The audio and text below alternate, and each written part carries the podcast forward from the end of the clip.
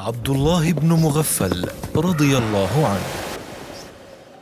أخبر الله تعالى أن في الأعراب كفارا ومنافقين ومؤمنين وقوله تعالى ومن الأعراب من يؤمن بالله واليوم الآخر ويتخذ ما ينفق قربات ويتخذ ما ينفق قربات عند الله وصلوات الرسول.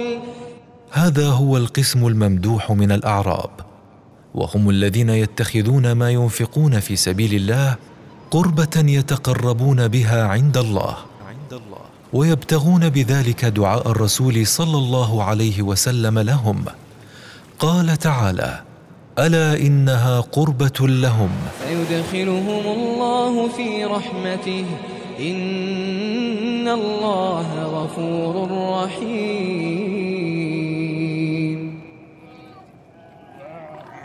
وسبب نزول هذه الآيات وسبب نزول هذه الآيات كما أخرج ابن جرير ما روي عن عبد الله بن مغفل رضي الله عنه قال كنا عشرة ولد مقر فنزلت فينا الآية. فنزلت فينا الآية.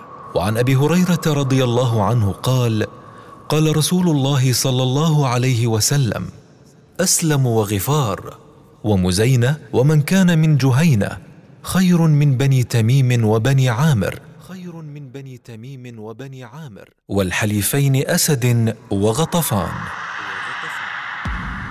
أعلام نزل فيهم قرآن.